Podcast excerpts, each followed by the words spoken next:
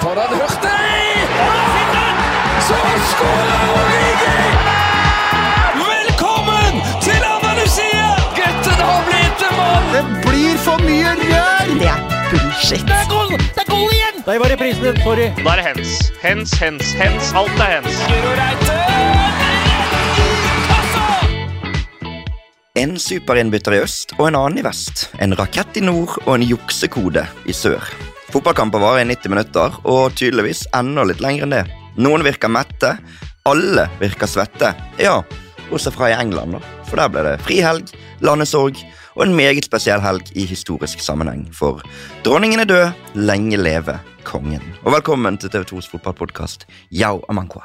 Tusen takk. Godt å være tilbake igjen, som alltid. Og velkommen til deg, Espen Ven. Takk. Akkurat sier som yao. Godt å være tilbake. Godt å være tilbake. Hatt en fin helg?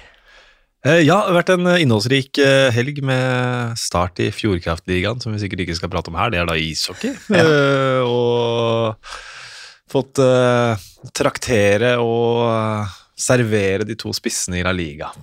De to norske spissene. Det er flere enn to. Det er flere, flere. Det er kanskje ikke, Når jeg sier de to spissene i La Liga, så er det kanskje ikke våre folk tenker på. Men nei, Nei, nei. her gjør vi det. Ja, her gjør vi det, for her har vi fokus på det norske. Og vi, vi begynner med Eliteserien denne gangen også, ja. Um, du har jo jobbet, ja, du har jobbet La, La Liga i helgen, du òg, men Ja. også uh, norsk fotball. og tenker Vi kan begynne på lørdag. Jeg tar det litt sånn kamp for kamp. Ikke at vi skal gå like mye gjennom alle, men uh, det var en 18-åring i Sandefjord, altså fra bortelaget, som plutselig meldte seg på der. Vi nevnte jo Diomande sist, og at han burde vært der. og Plutselig hadde Odd en i bakhånd som plutselig kunne skåre mål når de trengte det. Ja, og trengte det er jo ordet. Trengte.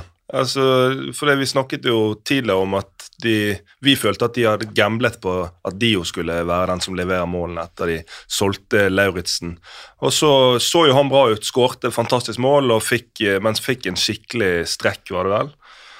Og så er det litt sånn Hva skjer nå, da? For Odd, og så er det Dennis Gjengård som bare ja, for en eh, måte å virkelig presentere seg på når, når klubben eh, trenger det som mest. Så det var viktig for Odd, både i forhold til prestasjonen, men selvfølgelig i forhold til tabellen, mot et Sandefjord som er i fritt fall, som vi syns eh, har prestert godt ut fra forutsetningene. Eh, vi hadde jo de helt i bånn på tabelltipset vårt, for det at rett og slett for når jeg ser på spillermaterialet, så syns ikke jeg at det er imponerende relativt til de andre. Men eh, så syns jeg Ødegaard og co. har gjort en god jobb på våren, mens nå er det litt innhentet av hverdagen, virker det som. Odd er da oppe på 30 poeng. To strake seire. Har vel fire strake nå uten tap, tre seire enn uavgjort. Så de har på en måte tatt det steget vekk, som vi har snakket litt om hver gang. Hvem er det som evner å ta det steget? Og 30 poeng. Det er jo den magiske grensen. jo det. så Jeg har, vært, jeg har spilt eh, vært eh, nede i bånn der, og så ser man jo hele tiden klarer vi å, Når klarer vi å bikke over den 30-poengsgrensen? Sånn, det er på en måte en sånn magisk greie. Så var det en kamp til på lørdag. Lillestrøm uh, vinner 2-1 over Strømsgodset. Er jo da nærmest Molde på tabellen. Ti poeng bak, uh, riktignok, men uh, viktig seier for de. Men da fikk vi en veldig spesiell situasjon. Jeg vet ikke om du så den, Espen. Du var jo opptatt med kommentering og andre ting. Men keeper ble avblåst for å holde ballen for lenge. Eh, Benjamin Sars spør oss på Twitter eh, Hedenstad Christiansen ble avblåst for å holde ballen for lenge. Når var sist dere så den regelen Jeg ble husker, brukt? bare, jeg husker bare Thomas Myhre jeg, i EM, var det 2000? Det er Ja. e- det eneste jeg husker. på det. Altså, Jeg tror kanskje Thomas Myhre ble avblåst på det to ganger i sin karriere, men det er det eneste jeg kan huske på der. Og pluss noe sånn femtedivisjonsrør som jeg har vært med på. Men jeg hyller jo dommeren som, som tar den avgjørelsen. Jeg syns det er altfor sjeldent at det der skjer. Og det er, jo, det er jo en regel, men den praktiseres jo ikke. Så når jeg hyller dommeren som praktiserer reglene altså Det er begrenset hvor lenge keeper skal kunne holde på ball. Eh, og så Apropos Christensen. da. Det, vi skal snart inn i en landslagssamling. Nations League. Mange hører jo gjerne dette etter at troppen er presentert, men vi har jo denne Ja, innspillingen riktig. før. Ok, ok, presentert, Så da, da kommer jo lytterne til å sitte med fasit. Men jeg er i hvert fall spent på hvem skal stå i mål for Norge. Nyland, klubbløs, har ikke spilt på lenge. Hadde jo en uheldig involvering som det siste han gjorde på forrige samling. Eh, så da er spørsmålet for eh, Ståle hvem som skal stå i mål, og hvem de rett og slett skal satse på fremover. Og Da syns jeg Christensen er en kandidat som bør være i den eh, potten. Bare ikke holde ballen så lenge. Men eh, Åsmund Hjortnes Larsen Osminium svarte også på den tweeten. Mignolet 2015 i Europaligaen. Og da han skrev det, så var det akkurat så Ja, jeg husker det var et eller annet der. Men, men bortsett fra det Altså to tilfeller på 22 år. Det er ganske sykt. da, Eller tre nå, da. Ja, Begge Benelux-basert, da, med Mignolet i Belgia og Det er riktig. Ja, det var Jeg vet ikke hvilken ikke noe kjempepoeng, med det var Nei, Hvis du klarer å finne en Benelux-link til Hedenstad Christiansen også, så kan det være. Men viktig seier for Lillestrøm, da. Ja, ja. Selv om gull er jo kanskje nå har det Det er vel delt ut til Molde, Ja, Molde, det har vi delt ut til Molde, men uh, utrolig viktig for Lillestrøm uh, mot et Glimt som vi sikkert skal snakke litt om etterpå. Men eh, både i forhold til selvfølgelig medaljeambisjoner, men òg disse europaplasseringene, Mm. som vi har sett hvor mye, kan, hvor mye de kan gi. absolutt. Vi kan ta, vi kan ta Glimt med en gang, vi. Fordi mm. over på søndagen der så er jo En av de store kampene er jo slaget om Nord-Norge og Tromsø som vinner 3-2 over Bodø-Glimt. Vi kan begynne med Glimt, da. Så tar vi Tromsø etterpå. Er de litt mette eller slitne, eller hva? Hvordan forklarer du grunnen at Altså, de matcher jo PSV like før, og PSV er jo bedre enn Tromsø, selv om de har ganske Ja, like jeg, drakter. jeg tror de kan være litt slitne. Eh, Den nullrotasjonspolitikken til Knutsen syns jeg er litt merkelig. Eh, Han har fungert veldig godt veldig lenge, men nå eh, eh, tror jeg at de kanskje hadde vært tjent med å, å, å ha rotert litt mer underveis. For det, nå er de kommet til et punkt at de som har sittet på benken så lenge, er rett og slett iskalde. Sånn at de kommer ikke inn og nødvendigvis kan tilføre mye. Og så er det to eh, re, resigneringer, re-comebacks i Berg og Lode. Berg som jeg syns var veldig god mot PSV, men de er fortsatt litt rustne. og Jeg tror de, selv om de er gode spillere, trenger tid på å finne tilbake til den selvtilliten som, som de hadde på sitt beste. Sånn at de er ikke helt Det er ikke sånn, De bare går inn og er det de alltid har vært. Vi har blitt så glad i Bodø-Glimt de siste årene. Ulrik Saltnes ble intervjuet etter kampen og sa at det var ufattelig pent og pyntelig, var vel de ordene han brukte. og Kanskje det ble litt i overkant pent og pyntelig. De mistet litt av denne eh, edgen, eller? Ja, og så, så er det jo et Tromsø som stiller opp med absolutt hele byen i ryggen, Mm. og sikkert et helt uh, fylke Nå er litt usikker på Det er Tromsø, Tromsø Finnmark, er det det er et, det er fylke nå, er det ikke? Nå, ja. Det er to, to fylker i ryggen, da, kan du si. ja, det kan du si. Uh, jeg mener at du ble slått Ja, samme det. Men, eh, men eh, jeg, jeg er mer liksom på kreditt til Tromsø jeg, i den matchen her, Mm. og de, de tegnene her har vel sett med glimt i Eliteserien de siste ukene, at det, det går litt nedover, og så får de ta festen i Europa i stedet. Det er meget imponerende det de gjorde i Men kan ikke gå for langt nedover. Nei, men før vi, før vi går og snakker om Tromsø, som fortjener eh, mye omtale, så er jo dette med europacupplassene. Tenk hvis Glimt har brukt så mye penger som de har gjort for å danne et hegemoni i norsk fotball, for å liksom etablere seg som den store klubben i de neste fem-ti årene. Tenk om de skulle gå til neste sesong uten noe europacupplass. Nå eh, sklei jo, nå sklei jo heldigvis for Glimt Rosenborg, som ligger rett bak de.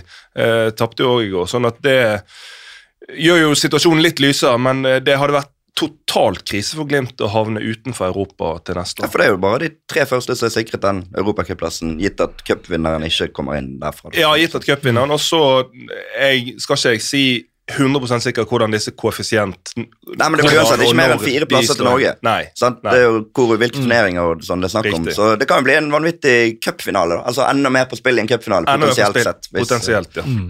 Men så Tromsø og det Helstrup får til der oppe, og den fotballen de spiller, spesielt på Alfheim. Altså Dette var et oppgjør, Det er jo alltid et spesielt oppgjør, dette nordlandsderbyet. Men nå var det jo noen Glimt-tullinger som hadde brutt seg inn og ødelagt en TIFO, så det setter litt ekstra spiss. Og så er det jo August Mikkelsen, som Glimt har vært etter i lang tid.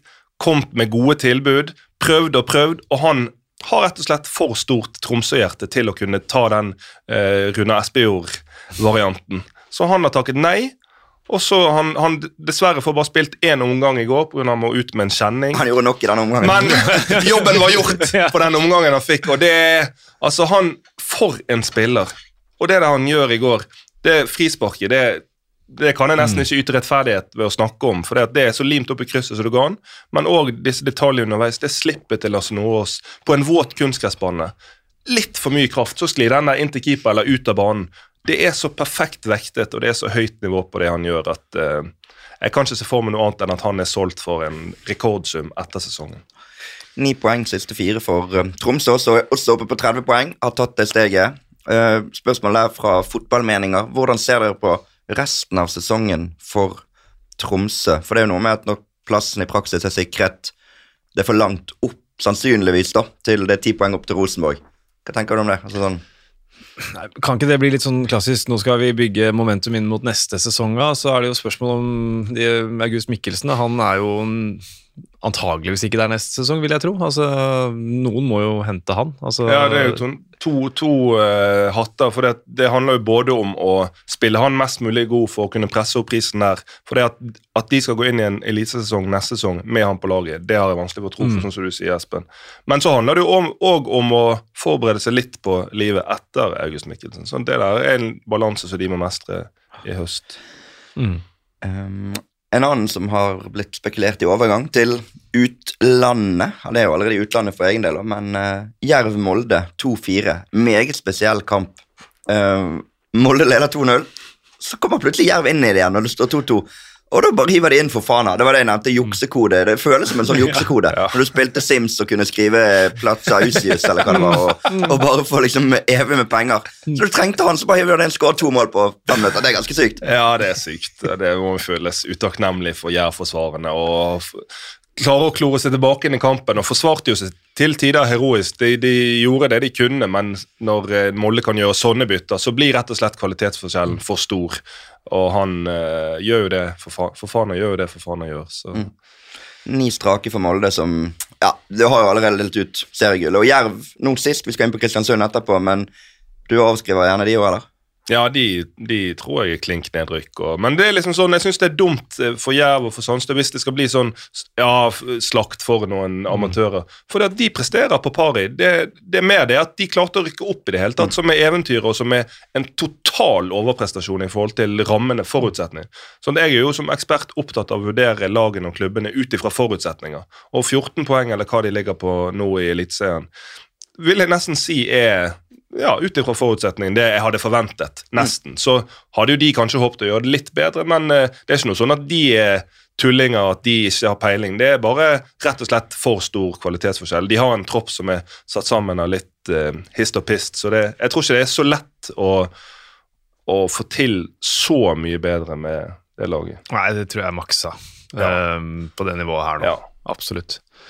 Kan bare ta én juksekode til? Ja, ja. Ja, når jeg, spilte, jeg, jeg er jo såpass gammel at jeg spilte Championship Manager før det ble Football Manager, og på én av de versjonene så var det mulig, å, etter at du fikk bud akseptert, gå ned til null. Stemmer det? Så du, så du hadde Så lenge du bydde nok i Ja. utgangspunktet til at det ble akseptert med en gang, så kunne du gå inn og endre. Stemmer det? Ja, det er jo faktisk eh, juksekode, og det kan jo også kalle for faen av en, en for Det er du som sier juksekode, men det du nevner her, Espen, er jo en bug. Ja, en bug, ja. Men eh, for faen, han føles jo litt som en bug av og til når du ser de tingene han gjør. Det ser ut som en sånn glitch i spillet. Mm. Så skulle gjerne hatt han på mitt lag hvis jeg var trener. Jeg fått et spørsmål om en annen Molde-spiller. Katrine Nås Katrinesen på Twitter skriver til oss snakk om Eirik Haugan. Har vært enorm for Molde denne sesongen. Kan han fort være Moldes viktigste signering i år? Kaptein om noen år, tipper jeg. Og du som gammel stopper, han blir jo glad når det kommer sånne folk inn fra. Han kommer fra Sverige nå, sist, og har vært veldig bra. Veldig bra. Og Molde har jo slitt med litt skader på Bjørnbakk og Tidemann. Så det at han har tatt det ansvaret og vokst fram, det er Men det er litt sånn så jeg føler Molde Vi har jo fokus ofte på Eikrem og Forfana og Brynesen og disse stjernene, men eh, de er veldig flinke til å dyrke underfra. Sånn at hver gang det er noen som enten blir solgt eller er ute med skade, så kommer det en spiller som du ikke har hørt så mye om, og ser ut som han har spilt på nivået i ti år. Så det er den langsiktige måten å tenke på og jobbe på som de er flinke til der, som igjen tror jeg bærer frukter. Er det vel Molde-Ålesund neste helg? Søndagskamp eh, klokken åtte. Vi trekker ofte frem disse. Du kan jo se dem på TV2 Play, som vi alltid må nevne. Selv folk tror at det neste år TV2 skal vise alt, men har du TV2 Play, så kan du se det Play, Og så kan du følge, og vi følger jo runden hver, hver Ja. runde, så 20 minutter før runden så er vi på for å, en kjapp gjennomgang. Inne på TV2.no på sporten der, så det er bare å kjøre. Men uh, den kveldskampen i går, Haugesund-Rosenborg, den du nevnte det jo at Rosenborg snublet på du, du sa vel ikke ordet på et bananskall, men det var jo på en måte det du impliserte. Og um, det går ikke, det, hvis Rosenborg skal henge med helt inn der. I hvert fall gullet har vi jo avskrevet for de òg, men de er på hverdags dato nummer fire. Fire poeng opp til Lillestrøm. Jeg har vært inne i en god steam, og så tror jeg de så at uh, Bodø-Glimt uh, røk eh, før de sjøl skulle spille, og tenkte for en ufattelig mulighet vi har nå til å inn på medaljeplass, inn på europaplass, og så klarer ikke de det. Det, det tror jeg smerter de. Eh, det var vel eh, andre svake bortekampen på relativt kort tid. De, hadde jo, de var, ble jo rundspilt i perioder mot Tromsø borte òg, så Mm, to strake bortetap. Ja, og igjen så må jeg bare si jeg syns det er litt vanskelig å bli klok på det laget til Rekdal. De har eh, Altså, de Sæter og Tengstedt har eh, gjort eh, litt ut av ingenting ved en del situasjoner, og så har de vært et lag i flyt og hatt selvtillit og spilt bedre fotball enn de har gjort kanskje på vårparten.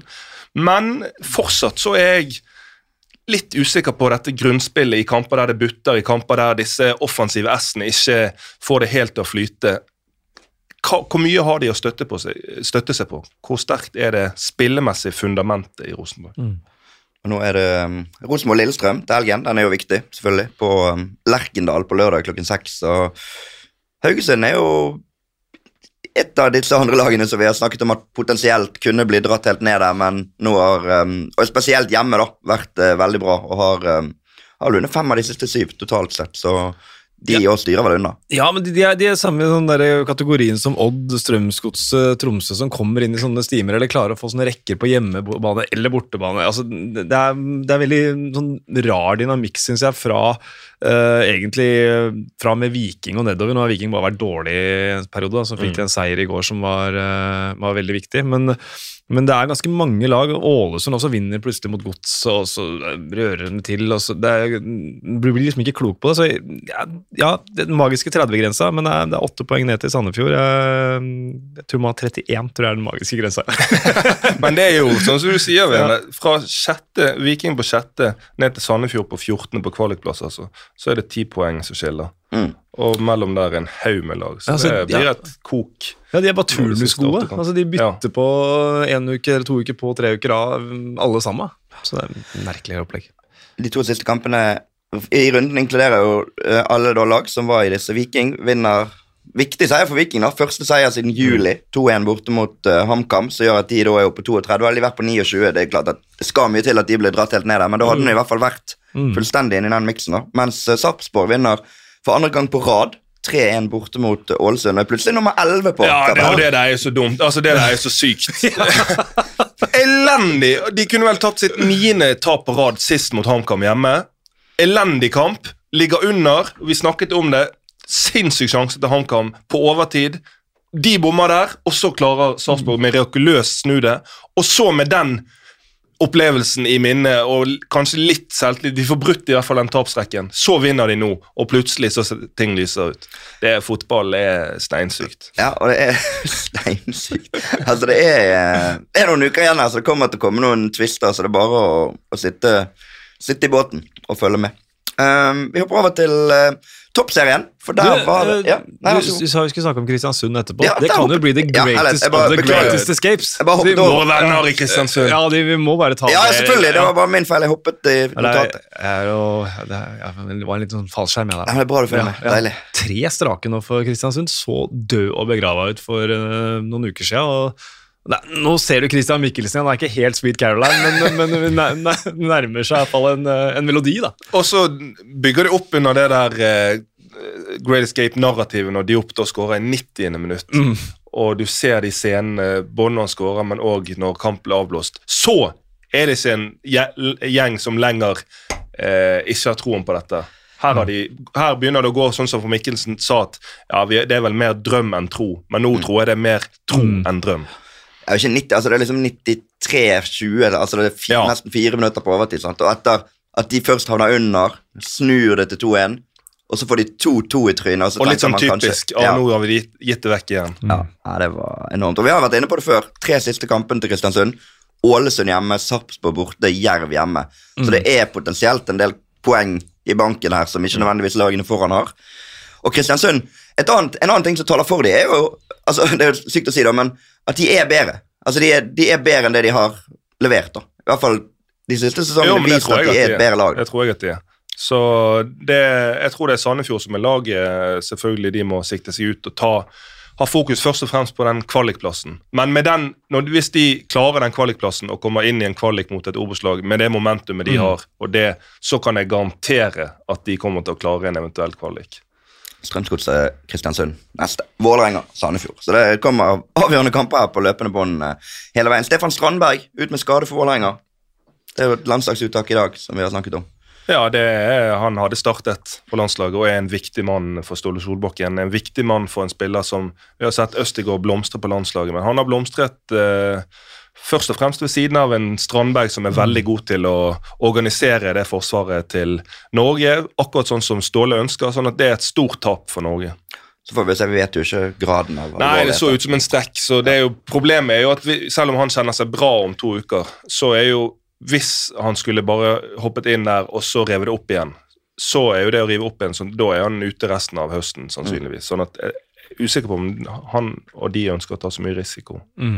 Ja, så er det fascinerende med stoppeplassen. Når vi gikk inn i Nations League i juni, så hadde Strandberg som ikke hadde spilt på siden november, og så Østegård hadde spilt masse for Genova. Nå har ikke Østegård spilt mer enn én match for Napoli. Hanke Olsen spiller ikke for sitt eh, klubblag. Strandberg skada. Ayer er vel skada også. Så det som har vært liksom en av marerittene de siste åra, er kanskje i ferd med å være litt sånn Alarm, alarm. Ja, det er et inn mot, inn mot eh, de to siste avgjørende kampene, så har vi vel egentlig ikke noen av de stopperne fra forrige samling i noe særlig slag. Utgangspunktet eh, Østegård kan jo selvfølgelig være god, det er ikke det. Men, Jo da, nei, men eh, det er et poeng, det. Absolutt. Um, ja, takk for at du reddet meg der og, og nevnte Kristiansund-kampen, som jeg Jo, nei, holdt på å hoppe over. Det må jeg bare beklage. Eh, var så fokusert på at mesterskapssluttspillet og nedrykkssluttspillet i toppserien Mm. er begynt, selv om supporterklubbene anerkjenner jo ikke det. Sant? De skal ikke bry seg om dette. De i hvert fall toppen har delt ut gullet til Brann. Eh, og Brann eh, festet jo grepet om det reelle gullet også, eller tittelen, som de jakter etter å ha slått Vålerenga 2-1. Eh, lå under 1-0, 0-1, og så kom uh, Sessi Aasland og utlignet, og så kom Maria Brochmann rett fra benken, ett minutt på banen, bang, 2-1, og har da syv poengs forsprang til Vålerenga. Og det skal en del til å ta igjen, for det er bare fem kamper igjen av det sluttspillet. Og uh, Rosenborg slo også Stabæk 3-1, har um, syv poeng sjøl. De startet jo med fire, så de er to poeng bak Brann. Og så er det dette nedrykkssluttspillet. Sist du var her, Espen, ble du litt fascinert over at første del av serien ikke Jeg ble nulla, ja. Ja, det- det vi ble, vel eh, både fascinert og eh, småsjokkert. Ja. For det betyr jo nå at Røa, eh, som møtte Åsane, som kom fra divisjonen under, vant 5-0. Første seieren til Røa i 2022 i seriespill. Topper nå nedrykkssluttspillet. Blant annet to poeng foran Lyn og Kolbotn, som spilte ja, Lyn spilte 2-2 mot Arna-Bjørnar, og Kolbotn spilte 1-1 mot Avaldsnes. Så det betyr at Røa er to poeng foran Kolbotn og Lyn. Og for to uker siden så var de 23 poeng bak de. Det er litt spesielt. Det eneste jeg vil si her, er at jeg synes det er bra at supporterne utøver sin supportermakt mot noe som eh, ikke henger på greip, og eh, som for forhåpentligvis blir eh, endret på til eh, fremtidige sesonger. Og så har vi også Eller nå kvalifiserte jo Norge seg for eh, VM allerede forrige kamp. Eller vi, vi var jo inne på det før i forrige ukes podkast, men vi må nevne at de også avsluttet kvaliken med å vinne 5-0 over Albania på Ullevål. Sofie Roman Haug skåret sitt første landslags hat trick, så da er det bare å se frem mot trekning, som kommer neste måned, og eh, VM neste sommer. Så det var deilig for de. Um, vi hopper til eh, La Liga, der du var i studio i helgen. Det var jeg. En litt spesiell studiohelg, eller? Altså den Ja, Cadiz-Barcelona-kampen. Cadiz-Barcelona der med eh, et illebefinnende på tribunen underveis i Eller mot slutten av kampen som eh, Det tok lang tid å finne ut helt hva det var, og plutselig var det to personer. Det viste seg altså at det var én person som hadde fått et illebefinnende, og så denne personens datter hadde da besvimt eh, i reaksjonen der. Så det var dramatisk, og keeperen som eh, ble involvert og reagerte fort, kastet opp en hjertestarter. Ikke som det ble omtalt i Nå er jeg litt usikker på hvor dette ble omtalt, men eh, der var det altså noen som skrev at han kastet opp, kastet opp en hjertestanser. Det var det ikke, det var en hjertestarter som ble kastet opp. Um, veldig spesielt. Og så var jo vi på der i studio og, Mm. og, og skulle sitte Men det er jo bare sånn Jeg tror alle i TV- og mediebransjen tok ganske mye læring etter den Eriksen-situasjonen. For der var jo, drev jo produsenten og spekulerte i og zoomet inn på sånn Det var liksom veldig sånn verdig og håndtert av produsent, og vi prøvde, vi prøvde jo å gjøre det samme. Men eh, kampen i seg sjøl eh, Cadiz eh, hang jo med lenge, men så tok Barcelona mer og mer over, og når de satte inn på Lewandowski, så var festen over for hjemmepublikummet, og Barca tok en fortjent seier. Et av, um, ja, et av de store høydepunktene denne uken som kommer nå, er jo Bayern München-Barcelona tirsdag klokken ni. Premium 2. Lewandowski Mm. mot gamleklubben. Det er bare å glede seg til. Det er bare å glede seg til. Ni mål nå på, på Lewandowski, Champions League og La Liga. Og, når du ser den, Jeg synes det mest betegnende i den matchen der er det 4-0-målet med Lewandowski. For da, da Han kom jo inn til pause, eller han kom inn i løpet av matchen, i hvert fall. Han og Dembélé. Og så er det en, og det her er 93. minutt, og Lewandowski er nede på egen bane og setter i gang kontringen. Og sprinter altså full banelengde på stillinga 3-0. Uh, her skal vi ha mer. Ja, så, er det- så er det Dembélé som scorer, riktignok, men, men bare det der, jeg syns det bare sier noe om sulten til Lewandowski. Ja, for kontre, Jeg skulle jo f- forberede til denne runden og så sett mye varsel, sett mye Lewandowski. Uh, og så i de kontringsfa eh, kontringsfasene så ser du ofte Rafinha og Dembélé at de sprinter av gårde. Men Lewandowski ser ut til å holde samme Ja. tempo som de i sprintene. Fyren er jo i fotballalder gammel, men han, er, han har jo ikke mistet fart, ser det ut som. På ingen måte. Så det er jo bare et fenomen. Og så er det den eh, kampen som kommer nå med Bayern-Barca. og Begge lagene har jo hvilt spillere, spisset, spisset knivene inn til den kampen. Mané ble vel hvilt for Bayern sin del. sånn at det er Det blir jo på mange måter ikke bedre enn en det i Champions League. Nei, altså det du nevner, altså, Mener du at det er litt sånn undervurdert ved Lewandowski? Altså den farten? Ja. ja. Det, det er to ting som jeg må innrømme at jeg har undervurdert ham på. Det sa jeg i studio òg. Altså, jeg har alltid sett på han som en sånn skikkelig målmaskin. Beste avslutteren i verden. Eh, men eh, det relasjonelle Mm. Altså, vi har sett noen flikker og helspark og sånn. Fotballspilleren Lewandowski. Og så dette med, med farten òg er jo noe som jeg imponerer meg. Mm. Absolutt. Um, du hadde vel kampen etterpå her, hadde ikke du det? du Det, det hadde jeg. Det var eh, Atletico mot Celta Vigo. En rar fotballkamp. Eh, jeg skal ikke gå i for mye detalj, men at det står 4-1 i historiebøkene til Atletico Madrid der, det forteller ikke hele bildet av den kampen der eh, Celta burde skåret etter 30 sekunder, og det burde Jørgen Strand Larsen gjort. Han starta sin første kamp. og det de snakket jo Kapteinen, for de som ikke kjenner det i Celta, Iago Aspas, er en sånn talisman, en sånn legende. Eh, Han kalte innhoppet til Jørgen Strand Larsen for brutal, brutal impact. Altså når han kom inn mot Kadi sist, fikk starte. Eh, Jeg syns han var god, eh, Jørgen Strand Larsen, for jeg tenker det er det viktigste fra den matchen, egentlig. Eh, Synd han ikke scora, og hadde han ikke vært norsk, så hadde jeg kanskje vært litt mer kritisk. Jeg skal være så ærlig til at han- burde ha scora, men, men, han- men han er god. Han har funnet seg godt til rette og ser ut til å, mm, ser ut til å være en nøkkelspiller for Celta allerede. Så det er veldig veldig spennende og gøy. Så er det litt sånn rart å sitte her og spekulere i en landsdelstropp. Altså, vi kunne spilt inn om eh, fire timer og visst om han var i den troppen eller ikke, men en mann for Norge på sikt må han jo være. Definitivt. definitivt. Og spesielt hvis Sørloth havner på benken, som sagt, så ser jeg på han som en soleklar kandidat til å, til å ta på en måte den plass. For det at de neste ti årene er jo ikke noe vits å snakke om hvem som skal spille spiss eh, for landslaget. Det sier seg sjøl. Han heter Erling Braut Haaland. Men eh, også syns jeg det er veldig kult med Strand Larsen at han kommer inn i La Liga og tør å ta plass Mm. på alle mulige måter. Altså, Hugo Mayo sier det i, i garderoben, at han tør å ta plass, han vitser, han spøker, men òg ute på banen. Eh, han er et aktivum, vil ha ball hele veien, er påskrudd, nede og takler, blokkerer. Ja. Så Også veldig fint intervju med han etter kampen òg, i, i pressonen, der, der han viser at han har selvtillit. Han er skuffet over han ikke har skåret, men han føler at han eh, kommer til sjanser og gjør det bra. Eh, viktig seier for Atletico uansett, opp på sjetteplass på tabellen nå. Har eh, ti poeng. Ja, De vant 4-1, det sa jeg kanskje, sa jeg kanskje 4-1, ja. ja. Så det høres jo veldig bra ut. Uh, Og det var jo bra for så vidt òg. Ja, Atletico som også kom i gang i Champions League. Det var jo også ekstremt dramatisk der på slutten mot Porto. Møter, møter Leverkosen på tirsdag klokken ni. Uh, Konsta med fra lørdag at Sevilla endelig vant en kamp. Den var nok viktig for, for flere. Erik Lamela skåret etter eh, 44 sekunder eller noe sånt, og ble selvfølgelig også utvist på slutten av kampen. Ja. Så han, han pleier å gjøre flere ting i en kamp. Lamela. Ja, han pleier det, og men og så han som eh, både sendte ballen til Lamela og skåra to mål, Carmona, han fikk jo sin første kamp fra start mot Manchester City. Han, de er, det er stoppekrise i Sevilla, så han viste seg fram. Eh, kanskje mer foran i banen, han slapp inn et par mål. Men, men ja, Sevilla trengte den der. Det var, det var dårlig stemning. Jeg var jo, var jo der nede mot Manchester City. Det var, eh, da var det Da ble det knessa, kvessa kniver, om verbale kniver, på tribunen. altså. Og så for, for trenere er det jo inn mot landslagssamlinger. Alltid viktig å ta noen poeng, alltid viktig å vinne kamper. Så jeg tipper uh, Lopetegi Ja. er ekstremt lettet. For det er gått inn nå med én U og ett tap inn i landslagspause, så er jo det en perfekt anledning for styret å bare gi ham fyken. Ja, tipper jeg hadde fått for det, er ikke, det er ikke nødvendigvis hans sine rettesmoter, da, det skal bare sies veldig kjapt. Eh, Det er mer spillelogistikken som ikke han har ansvar for. Men det blir jo ofte det som blir konsekvensen. Oh, ja, ja. Fått et spørsmål her fra Jørn Henland. Henlandi. Det er jo for så vidt stilt etter forrige runde, før Sevilla vant denne kampen, men hvem får først sparken av Brendan Rogers og Julian Lopetegi?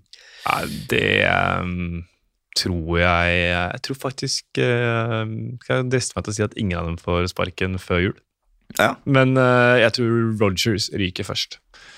kanskje Rogers tar en annen jobb, som vi skal litt inn på. Jeg så en morsom tweet. og Det var jo den serien for noen år siden fra innsiden i Liverpool. Mm. Og så holdt han en litt sånn David Brent-aktig tale der han skulle dele ut noe brev. Ja. Konvolutter, ja. Det- Inni dette her står det hvem som skal svikte. Det var nesten litt sånn bibelsk over det. Og så var det en tweet med bilde av Brenn, Brenn Rogers som sto og holdt på en 12-13 brev. Ja. Fordi at Leicester har vært så dårlig at inni her. Hele gjengen. Hele gjengen. Sevilla har eh, FCK i Champions League på onsdag. Vi hopper til søndagen i La Liga og Real Madrid som uh, cruiser videre som det eneste laget i de store europeiske ligaene som har vunnet alle kampene denne sesongen. Denne gang 4-1 over Mallorca uten Benzema, som Ja. ble skadet i Champions League, men med ja, Eden Hazard spilte vel eh, på topp der, men det var ikke han som Nei, det var ikke han som Viste seg fram. eh, som viste seg fram, nei. Det var, eh, det var noen soloprestasjoner i den kampen der som det er verdt å gå inn og titte på høydepunktene for, for de som ikke har sett det. Første målet til Valverde, som du ikke forbinder Du forbinder ikke det målet med han, det kan jeg love deg, så greier ikke å da teaser jeg det bare sånn. Og så er det Rodrigo og Venicius Junior som, som bare fortsetter å herje. og Rodrigo var jo veldig avgjørende på tampen av forrige sesong, og jeg tror han kommer bare til å bli bedre og bedre og bedre, for nå snakker alle om Venicius Junior, og så kan han kose seg litt i, i pasningsskyggen der og, og ikke ta de største overskriftene enda, men han kommer til å, kommer til å ta mange etter hvert. Men jeg regner med at etter, hvert, kanskje ikke i dag, men etter hvert i fotballpodkasten så skal man begynne å snakke litt VM. Og Brasil, de, Ja, de Altså, det ligger litt sånn til rette for at de skal kunne gjøre et bra mesterskap eh, i Qatar. For det at du ser Rodrigo, Venicius eh, Rafinha. Rafinha, selvfølgelig. Mm. De har, og Når du ser gjennom, det er liksom litt sånn at du tenker gjennom hvem er det egentlig de har, og så ser du bare navn på navn på navn. Mm. på navn, Og det er sånn spiller som du bare elsker å se på. Så Hvis de får det der til å stemme, så Det blir var det jo en spennende. tweet nå med at For Arsenal-brasilianerne er jo ikke i troppen. Gabriel, Gabriel Martinelli og Gabriel Heter alle Gabriel? Ja, de gjør Ja, faktisk de gjør det. Og Gabriel Jesus. Ingen av de var i troppen, mens alle Manchester United-brasilianerne var der. Fred, Ja. Casemiro, Ja, okay. Anthony. Så var det noen sånne der, eh, bilder fra den Arsenal-Manchester United-kampen der de sto og snakket sammen. og sånn. ja. Jeg er i troppen, du er ikke i troppen. Så Men altså, bare angrepsrekken da, til Brasil i den troppen der. Altså det er eh, Pedro fra Flamengo, det er det minst eh, etablerte navnet. Mateus Cunha, Atletico Madrid. Antony, Roberto Firmino, Neymar, Ja. Rafinha, Richarlison, Rodrigo, Venitius Junior. Du, jo, du får ikke plass til alle, da.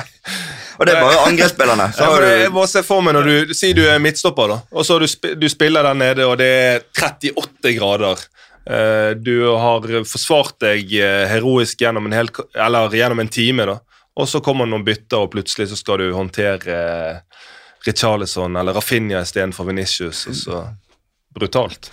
Det er i hvert fall en, eh, en tropp som kommer til å sette sitt preg på det, på det mesterskapet. Um, siste vi skal ta med fra, fra La Liga, er jo Sørloth. Du var inne på det. Eh, Fikk starte. Du kommenterte det nå, Espen. Mm. Retaffe mot Real Sociedad. 2-1 til Retaffe. Og litt sånn skadevarslende kanskje at Sørloth blir byttet ut når de jakter utligning. Ja, det er det for så vidt. Eh, Samtidig så er det ikke noe sånn overdramatikk i det. Altså, det, det. Han var ikke spesielt god, og Real Sociedad var ikke spesielt gode. Eh, Og så satte de inn på en eh, lokal pokal på 19 år som var mye dårligere enn Sørloth i det, de minuttene han spilte. Så jeg er ikke noe redd for startplassen, i hvert fall ikke når det som man kanskje trodde skulle være konkurrenten hans, Umar Sadiq, som ble hentet inn på deadline day, han ikke av skada, med noe som kan være en kneskade. Så jeg tror Sørloth får masse spilletid, men, men Sørloth får ikke gode arbeidsforhold. heller. han er jo svær og skal ha innlegg, og Real Sociedad slår ikke innlegg. Så når de ikke gjør det, så lurer jeg egentlig på hva tanken bak å hente Sørloth tilbake er. Hvis ikke, de, hvis ikke de skal begynne å spille på det som er styrken hans. Ja, for det syns jeg blir veldig kontrast til Strand Larsen uh, i Celta. For Ja. de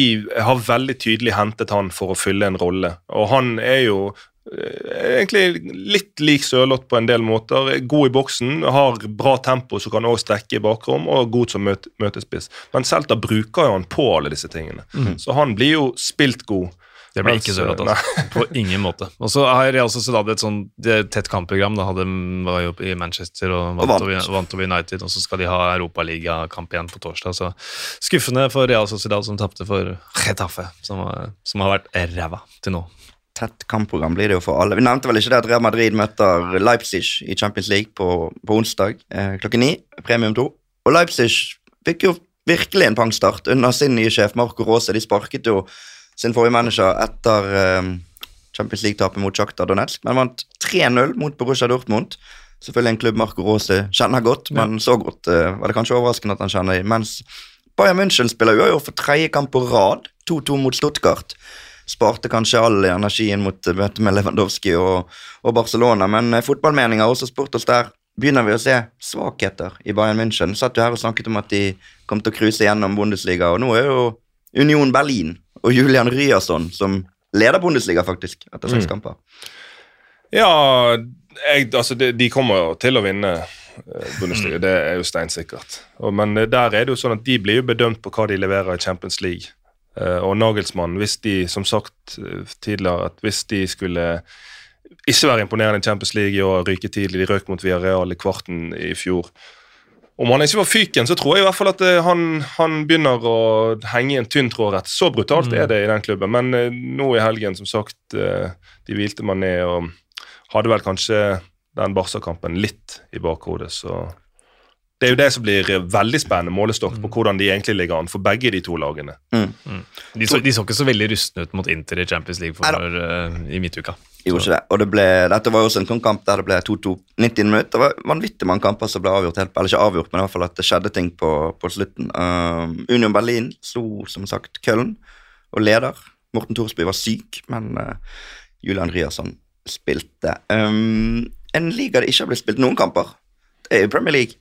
For eh, dronningen døde, og da gikk det ikke an å spille fotballkamper. De kan jo løpe løp, og de Ja. kan jo spille rugby og cricket og litt forskjellig, men Premier League og hele ligasystemet, de tok pause. Ja. Fotballmeninger igjen på Twitter. Hva tenker dere om utsettelsen av Premier League-runden? Hva tenker du? Nei, jeg syns jeg eh, Å sitte her og mene noe om det, syns jeg egentlig blir nesten mening, meningsløst. altså, fordi det, altså, den kulturen Jeg kjenner den britiske kulturen, men så godt kjenner jeg den ikke. Uh, så jeg har forståelse for at man gjør det. Så er det, blir det et paradoks, da. Og kartet stemmer ikke med terrenget når du kan spille rugby, men ikke fotball, så jeg, jeg forstår den. Så da blir det vanskelig å forstå, men jeg har ingen problemer med at man utsetter det på det. er jo Jeg landesorg, da. inntar en mer udiplomatisk stilling og tar på nisseluen og sier at for meg så fremstår det som en superparodi. Altså, med, med all mulig respekt for dronningen, men en 96 år gammel dame går bort. Eh, ikke noe dramatikk rundt det. Og for en anledning å hedre hun. Hun står høyt i kurs i, i Storbritannia. De sier at det var litt med politikapasitet, men som dere sier, det, det ble jo arrangert andre arrangementer, eh, rugby og diverse. Men for en mulighet til å hedre hun før kampen og lage en ramme rundt den runden som hadde fokus på, og, på det. Så jeg syns det der er helt skivebom. Og så er det jo Premier League må jo ta hensyn til at de eh, Det er vel majoritet av eh, den ligaen sine inntekter som kommer fra utlandet. Utenfor England eh, i forhold til TV-avtaler og tilreisende turisme og alt. Sånn at de kan ikke bare tenke på det engelske som, som eh, er det jo Det sies jo at muligens neste runde også kan preges av nett. Da er det jo det med sikkerheten og politi og På grunn av begravelsen kommer mandagen i etterkant. der, sånn Ja, men jeg tror det ja, inne på der, det er at de sier at de ja, utsetter det, men det kan ha like mye med kapasitet å gjøre, også, men man, man sier landesorg, og så slipper man kritikken på det. Eh, for det var vel en kamp som ble utsatt pga. togmangel, altså var det Brighton Crystal Palace eller noe som ble utsatt fordi nei, toga går ikke. Eh, og det skal sies da, i, hvis du bor i England, da, som jeg har gjort, og så mm, Jeg bodde i Nordøst-England, i Sunderland, og der er det, det snør litt av og til. Det er sånn Stavanger-klima, da, hvis det, hvis det gir mening for folk. Kommer det ett snøfall, vi utsetter den Premier League-kampen. Og det er ikke fordi det ikke går an å spille, men det er fordi man er livredd for at folk skal krasje bilen sin på vei til kamp, og logistikken inn der, så, så sånn sett så gir det mening at man, eh, man utsetter.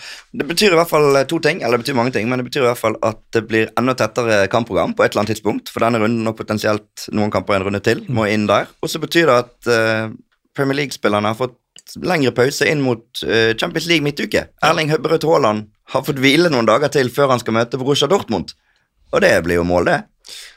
Eller? Ja, jeg tror egentlig for de lagene som har vært i flyten og gjort det bra for de spillerne og for Haaland, så ønsker man bare at kampene skal komme på løpende bånd. Ofte så er det litt sånn irriterende. Jeg har opplevd selv når du spiller på et lag som er i flyten, vinner kamper, og nei, nå kommer det landslagsopphold. Kommer du litt ut av det. Sånn det kan slå begge veier. Men uh, selvfølgelig en uthvilt Haaland eh, det er jo vanskelig å håndtere, ser jeg for meg. Onsdag klokken ni på premium. Kan spørre deg da. Tror du han kommer til å feire? Ja, ja. Ja. Litt, kanskje litt begrensa, men han kommer til å feire. Ja, jeg vet ikke. Det... Vi får se. Jeg har ikke se, han har kanskje ikke spilt mot Salzburg eller Molde ennå, så vi, har ikke, vi sitter ikke med fasit i hånd. Eller Bryne. Det blir, blir, blir første gang, kanskje. Det blir kanskje det. Um, dagen før så skal Liverpool møte Ajax. Ehm, spørsmålet der er jo om det er denne boken til assistenttrener Pep Leinders som uh, har vært roten til alt ondt i Liverpool. Tidligere Liverpool-spiller Dietmar Haman skriver i hvert fall på Twitter The alarm bells should have been ringing for Liverpool fans when the current assistant manager wrote a book while still employed by the club. How he was allowed to do it, I'm not too sure. Har de avslørt alle hemmelighetene i en bok her nå, som gjør at motstanderne kan stoppe Liverpool-maskineriet? Jeg syns det er veldig rart at eh, For det, den, de toppklubbene er jo preget av et sånn, nesten sånn CIA-aktig hemmelighold. Og jeg har jo vært litt inn i analyseverdenen med noen prosjekter og fått inntrykk av at det konfidensialitet er alfa og omega. Sånn at han har fått godkjent å skrive en bok eh, Jeg har ikke fått lest den ennå, men jeg har lest utdrag. En bok som forteller så åpent om måten de tenker og jobber og, og hva de gjør. Det er veldig veldig overraskende. For det er ting der i boken som andre klubber kan bruke mot det. Og Liverpool har jo gjort det veldig bra, og ikke gjort det så bra nå. Mm. eller blir det sånn konspirasjonsteoretisk? Nei, jeg tror det. Altså, ja, det Nå har ikke jeg vært på innsiden sånn som deg eh, ja, i, en, i, en, i, en stor, en profesjonell fotballklubb, men jeg tror vel analyseverktøyene til motstanderne er såpass bra at de, at de de veit det meste, men problemet er at de har vært ustoppelige. Selv om, alle kan jo se hvordan Manchester City spiller, men du klarer ikke å stoppe det likevel. Ja, Det er ikke, det er ikke boken til Lengda som gjør Nei, at uh, Tiago Thiago er skadet, eller Nei. at Milner er gammel. Nei, nei. Det hadde vært sykt. Prøver å være keeper da. Det går jo ikke. Um, Mohammed Salah har ikke skåret på syv kamper i Champions League. Det er den lengste rekken han har gått noensinne i Champions League. Men nå møter de Ajax, som er en av drømmemotstanderne til Klopp. Har slått i veien. Ja. Ja. De og Porto. Porto, De har vunnet fem kamper mot Porto. De skal jo møte Porto igjen sikkert på et eller annet tidspunkt. i Champions League. åttendels, tenker jeg. Men eh, hva var det, hvem er det siste laget i gruppa? Jeg er helt uh, snøblind, jeg nå. Hvor er vi nå? I eh, Ajax, Napoli. Ja, det er jo Napoli. Ja, hvem det siste? Hvem var det Ajax feide over i Ja, Det var jo mot uh, Rangers. Det var det, ja. Stemmer. Napoli møter Men jeg, jeg lurer på sånn som Liverpool og Salah sliter, Liverpool sliter. Tror du det sitter en Mané i München og jeg tenker litt sånn Se hvordan det går uten meg. For det var jo hele tiden sånn litt spekulasjon Eller han og Salah, hvem var den beste? Hvem var liksom det aller mest main man der? Eh, hvis han har et litt sånn smålig gen i seg, sånn som jeg har, f.eks., så tror jeg han kanskje sitter og tenker at ja, det var ikke så lett uten, uten meg, da. Alle har et litt sånn smålig gen. i seg, tror jeg. Det, det var, de, de var jo venner som ikke alltid var venner. Altså Mané og Salah, Det var nok av situasjoner opp igjennom hvor det ikke ble sendt en pasning, og det var sure miner. Så nei, jeg, jeg støtter den litt, jeg. Jeg tror Mané sitter i München der og Koste, koste seg på tribunen nå sist. Altså. Vi får, eh, kanskje vi får et møte mellom de i løpet av turneringen til våren. Ikke umulig. En som ikke Eller det skal vi ikke si. Kan han, han er tilbake i den turneringen til våren, men i hvert fall ikke med Chelsea. Det er Thomas Tuchel som har Mm. fått sparken siden sist vi satt her. I sin hundrede kamp som Chelsea-sjef så tapte han mot eh, Dynamo Zagreb, og det var nok. Hadde jo aldri trodd at Zagreb skulle slå dem. Vi nevnte jo det. Vi Mm. sa vel at det, det skjer ikke. Men det skjedde, og da var det slutt.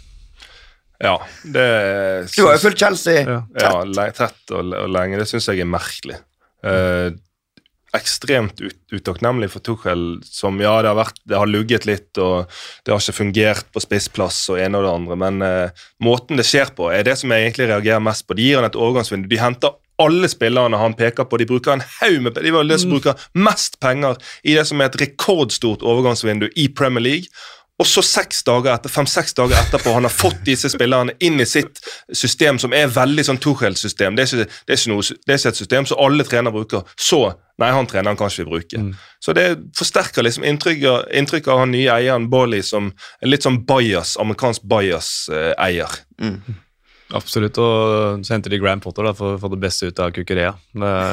Da Jo, men at Graham Potter skulle få en toppjobb, det visste vi at Jo, å skje. men at det er Chelsea, det har jeg Beklager, men, eh, og jeg tar, strekker gjerne henda i været om tre år når de har eh, vunnet to Premier League-gull på rad, men jeg har ikke troa på det. Eh, Fordi Graham, for etter, fordi jeg tror ikke det er tålmodighet i det Chelsea-systemet der til å ha en type som Graham Potter. Han, Manchester United kunne jeg kanskje hatt mer troa på Graham Potter, fordi de må, de driver med en sånn gjenoppbygging, men Chelsea bygger opp annethvert år. De gjen- det de er jo strategien deres, eller var det under Abramovic, og ser ut til å fortsette nå. Så jeg tror ikke Graham Potter får den eh, samme seksårsplanen som han hadde i Brighton, og jeg tror det her jeg Tror ikke det går noe særlig. Spesielt defensivt så var det veldig tydelig, og du kunne dele den Tuchel-perioden i to. da. Første 50 kampene, 24 baklengsmål. Siste 50 kampene, 53 baklengsmål. Mm. Så det var jo et eller annet som, selv om han fikk et altså det var jo en nedadgående kurve. Ja, da, det, det er det definitivt. Og, altså det, det første halvåret hans i Chelsea, når det ender opp kulminerer i Champions League-gull, det er en det måtte nesten bli en nedadgående Ja, men òg såpass svakt de var under Lampard på slutten her, og så, og så gode de var. Det, det halvåret der er en av de største trenergjerningene jeg har sett i hele mitt liv. Sånn at han la jo listen ekstremt høyt for seg sjøl. Men det som jeg òg syns blir helt latterlig, er at måten han sto last og brast gjennom dette Det bryter ut Russland går til krig mot Ukraina. Eh, Abramovic blir satt på alt av sanksjonslister. Klubben blir kaos. Jeg var der borte og kommenterte Chelsea-Arsenal. De kunne bare slippe inn x antall tilskuere. Det var store utskiftninger. Alt av personale, mannskap. Og Tuchel har stått her last og brast. Han har sagt om vi så må kjøre bussen, så skal jeg kjøre bussen, for at vi har ikke råd til å fly. Hva det skulle være.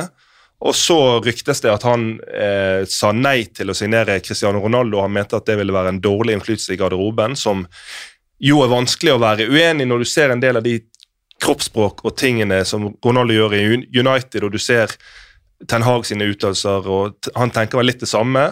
Og hvis det, eh, og de ryktene kommer jo fra troverdige kilder, at det var med på å spille inn, så syns jeg det bare er et eksempel på dårlig og overilt klubbdrift. Og så er det et intervju med Tuchel eh, som ble gjort her etter at nye eierne kom inn, eh, der han liksom sier ja, de, det er jo første gang de eier en fotballklubb, så sier hun litt forsiktig, og så bare spør hun intervjueren, hun er litt frekk, eh, så du må nesten lære de opp.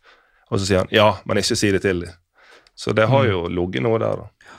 Så får vi se om dere begge må spise ordene deres når Cristiano Ronaldo skyter Graham Potters Chelsea til Champions League-tittelen i, i mai.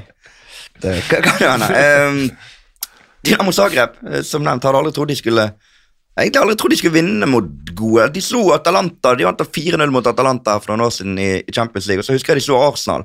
Det begynner jo å bli syv-åtte år siden kanskje at de slo Arsenal. Men ellers har de hatt som for vane i hvert fall å tape, og tape ganske klart mot disse gode lagene. Men nå er de jo plutselig i førersetet i denne gruppen. Så får vi se hvordan de matcher Milan til uken. Chelsea har eh, Red Bull Salzburg, Cram Potters første kamp, på onsdag klokken ni. Tottenham skal også møte Sporting. De har ikke spilt i helgen, selvfølgelig. Møter Sporting. Det er den første Champions League-kampen denne uken. I morgen klokken kvart på syv. Og så må vi vi må ha en beklagelse også fra forrige uke, fordi at Casemiro han har fått rødt kort i La Liga. Og, men, jeg, men jeg følte ikke egentlig at du sa sånn nei, han fikk alle rødt kort. Det var mer sånn Han fikk jo aldri rødt kort. Altså sånn, Med tanke på hvor mange kort han faktisk fikk, og hvor mange ganger han burde hatt rødt kort, eller var i situasjoner der han kunne fått rødt kort.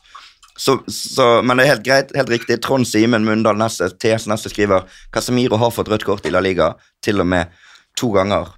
Han spilte 188 kamper før han fikk sitt første røde kort. Da hadde han fått 47 gule kort. Jeg skulle til å si han spilte 160 av dem med gult kort etter fem minutter. så, så så, poenget står jo, selv om Ja da, men eh, han har da Men rett skal være rett. Ja. Og det andre, det, var, det husker jeg faktisk når han, når han skrev det, at han fikk et rødt kort på overtid mot Barcelona. To gule der på slutten av en kamp. De, de slo Barcelona 2-1. Så- Men det er helt greit, og vi skal ikke ha feil, så det er veldig bra at folk påpeker det. Jeg nevnte også, Vi har vært inne på Potter. Det oppstår jo et hull i Brighton. Ja. Noen skal inn der. Kjetil Knutsen er jo odds-favoritt til å overta Brighton. Hva tror du med? Ehm, ja, kanskje litt mindre oddsfavoritt etter en svak Glimt-kamp Ja. i går. Hvis styret til Brighton så Ja. den eh, Tromsø-kampen. Men eh, nei, hva jeg tenker om det? Jeg tenker at det er ufattelig kult, og det er jo fortjent.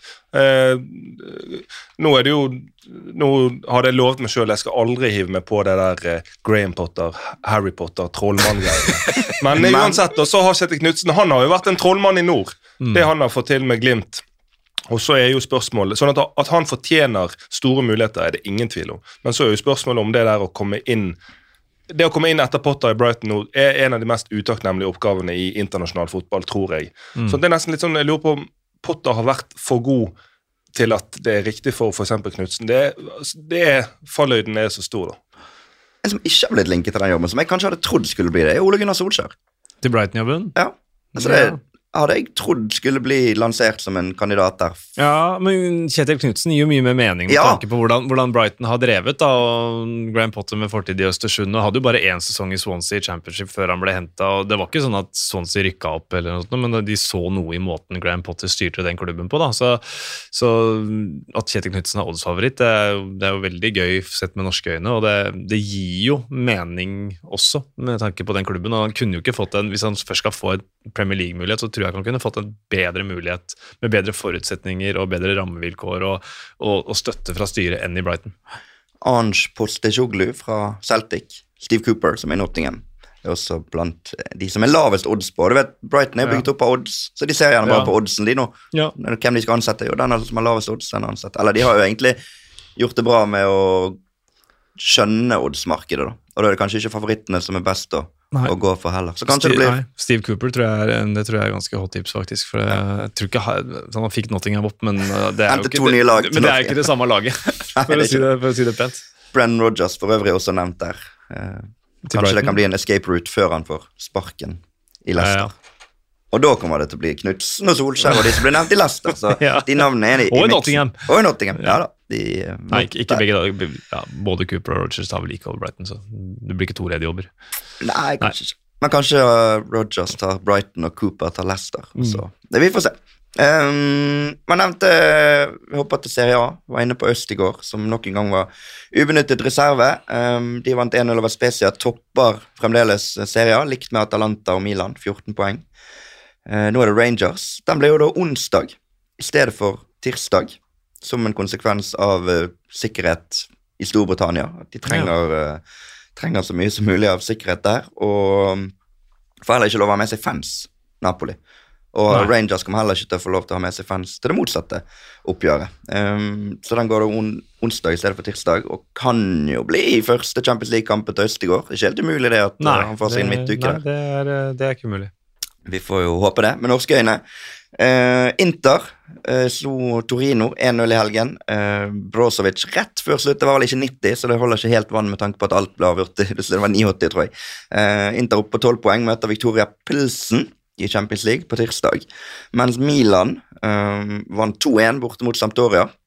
Spilte en omgang med ti mann etter to gule kort på Rafael Leao. Oliver Giroud, matchvinner på straffespark. Um, de møter som nevnt i sted Dynamo Zagreb.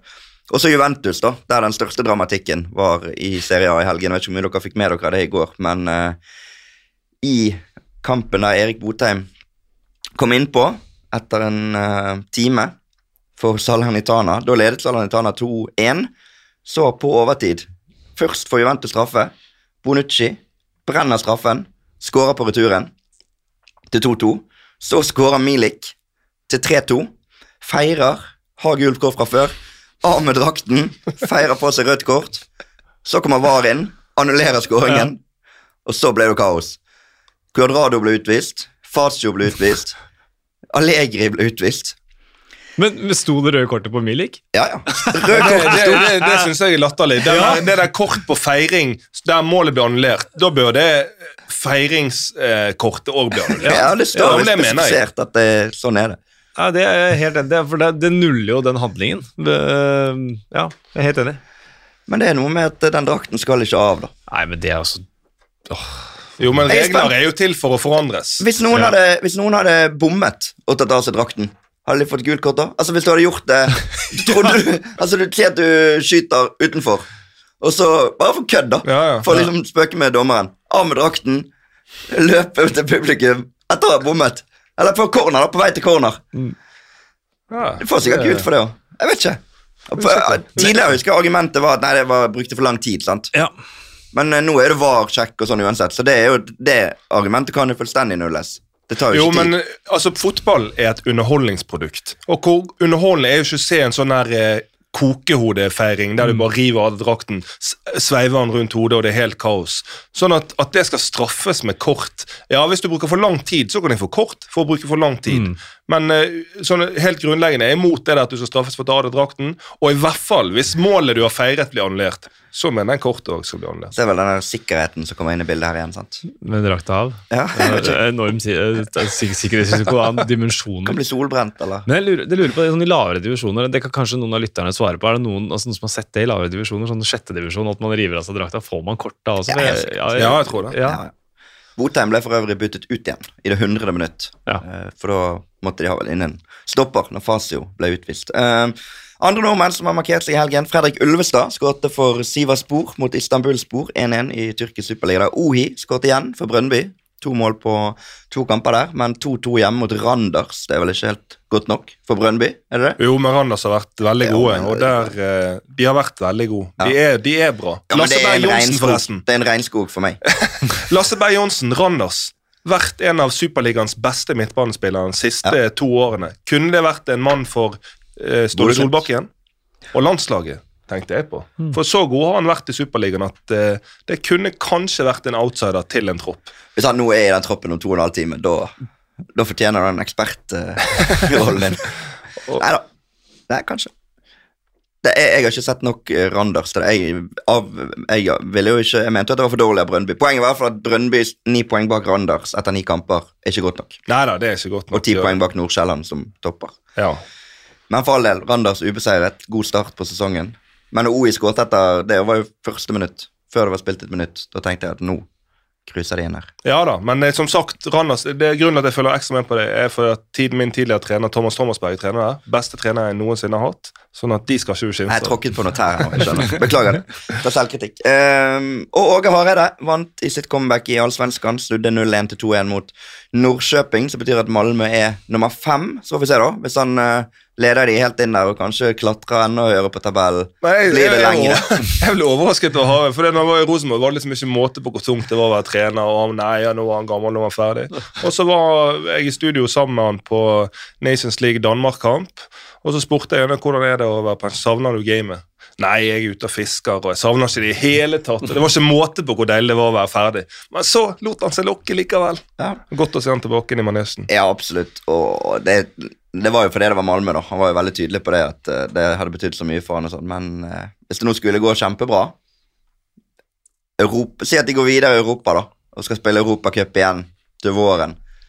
Nå tapte de vel første Nei, ikke, da. Det, Nei, nei. nei, det, Han gjør ikke det, altså. nei, jeg gjør ikke det. Nå tapte de vel for Braga første kamp, men uh, det kan jo Det kan jo gå an. Vi får se. Det er fall, eh, som du sa, kjekt å se Åge Hareide tilbake. Um, I Frankrike vinner Paris Saint-Germain 1-0 over Brest. Neymar igjen. Uh, Victorious Man 7 spør oss beste utgaven av Neymar om dagen. Ti mål og fem assist på seks kamper. Prikker han formen til november-desember? Og da er vi inne på det VM-et.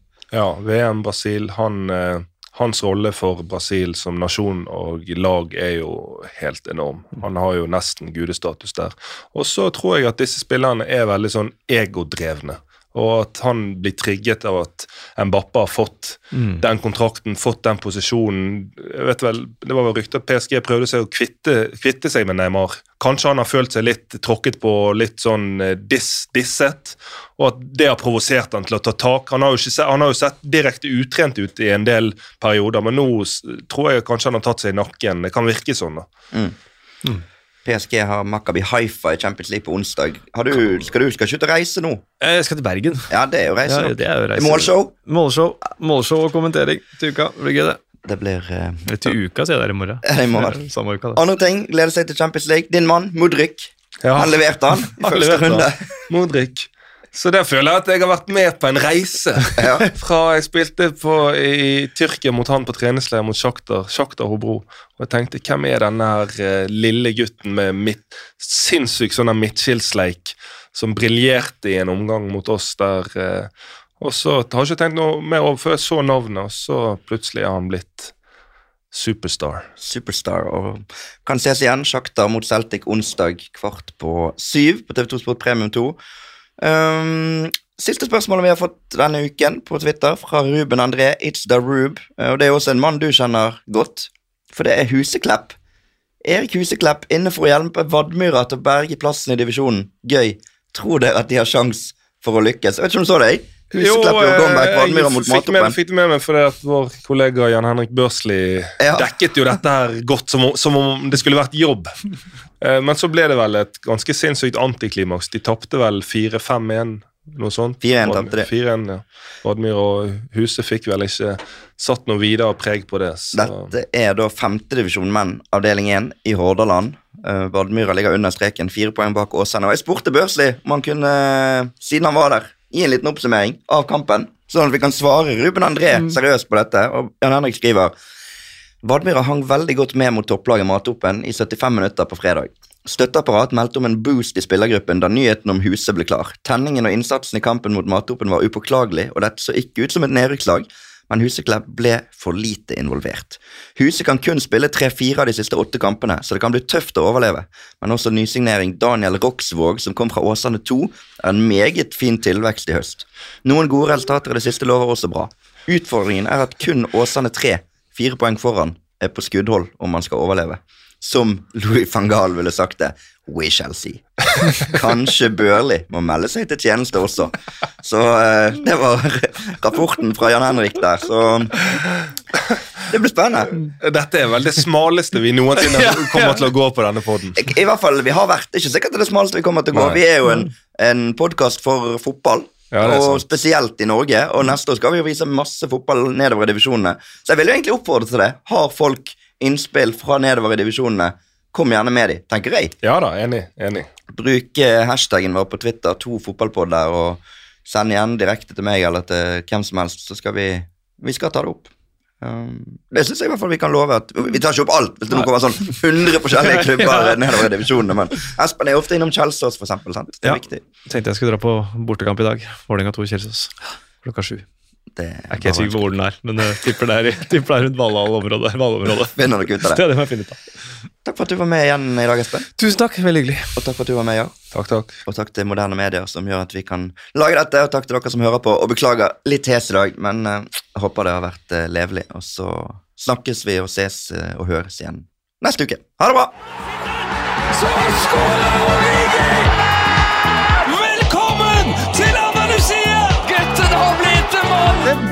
Blir mye rør! Det er bullshit. Det er goal! Det er goal igjen! Der var reprisen. Sorry. Da er det hens. Hens, hens, hens. Alt er hens. Altså! Moderne media.